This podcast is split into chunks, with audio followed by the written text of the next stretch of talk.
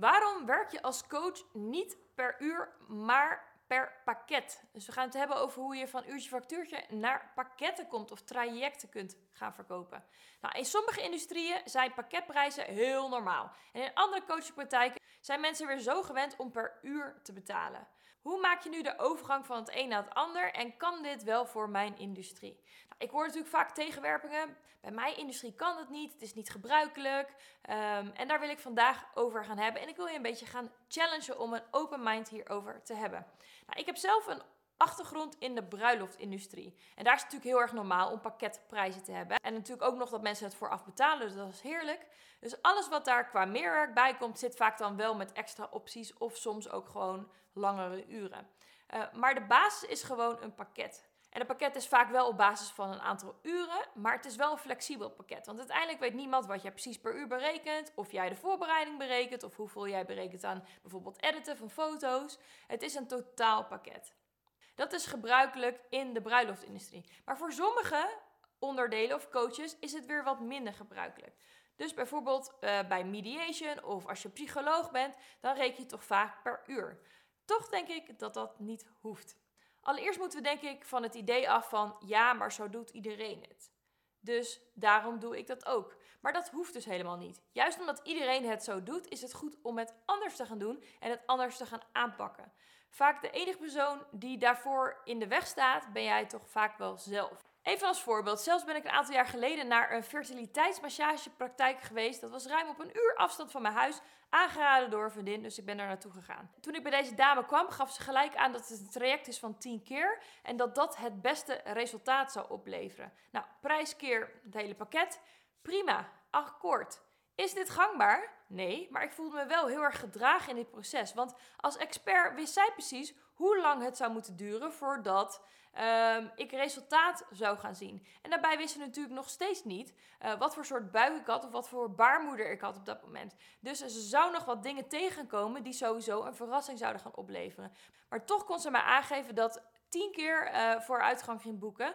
En uh, de sessies die daarna kwamen waren op basis van uur. Maar het commitment was op langer termijn. Dus ben jij psycholoog of coach en kun jij bijvoorbeeld na een intake al aangeven, nou, als jij met mij gaat samenwerken en je wilt dit resultaat zien, dan gaan we samenwerken voor 10 keer, 20 keer, keer x bedrag. Of je dit nu mensen per keer laat betalen, of dat ze het in één keer laten betalen, dat is nog eventjes hier tussen, kan allebei.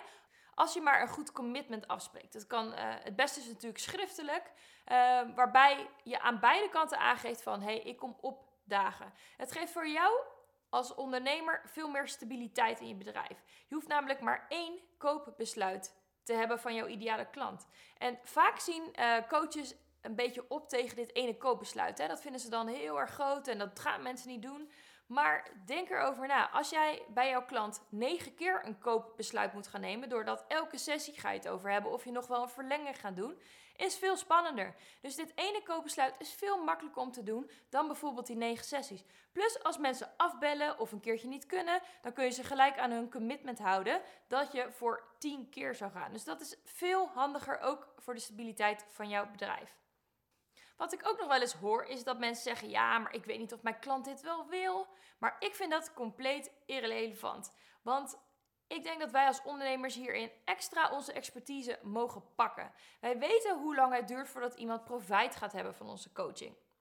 Drie verschillende pakketten aanbieden van drie tot zes tot negen sessies heeft absoluut geen zin. Mensen kiezen dan uiteindelijk toch voor het laatste bedrag, omdat ze het verschil ook niet zien. Mensen willen het resultaat, daarom komen ze bij jou. Niet omdat het misschien drie, zes of negen sessies duurt. Dus probeer hier ook echt de leiding in te nemen. En aan je klant het gevoel te geven dat zij hierdoor gedragen zijn. Dus dat jij expert bent en dat ze jou mogen vertrouwen in het proces. De volgende stap is, als je dan goed naar je traject kijkt, welke sessie hiervan zou je dan eventueel online kunnen doen of via videomodules, zodat niet elke sessie één op één hoeft te zijn. Ik denk dat we vaak ons traject te lang maken en dat we 50% van dit traject kunnen verminderen. Doordat mensen bijvoorbeeld thuis al huiswerk doen. Dat ze misschien uh, videomodules kijken waarvan zij al de basisingrediënten uh, krijgen. Dat dat niet per se in een één op één sessie uitgelegd hoeft te worden. En dat je tijdens de ontmoetingen, tijdens misschien de online Zoom-sessies of de één op eens, dat je gelijk de diepte in kan gaan. Ik hou zelf van sessies waarbij de klant al wat voorbereiding heeft moeten doen, zodat je gelijk uh, de diepte in kan gaan en dat je gelijk uh, veel meer resultaat kan behalen. En dan voel je jezelf als coach ook niet een uh, soort van LP-plaat die telkens blijft vasthangen. Je hoeft telkens niet dezelfde informatie herhalen. Dus kijk dan ook in je traject, over dat 10 sessies duurt, wat voor dingen zou ik eventueel online kunnen gaan doen? Wat voor dingen kunnen zij in de voorbereiding na een sessie al creëren?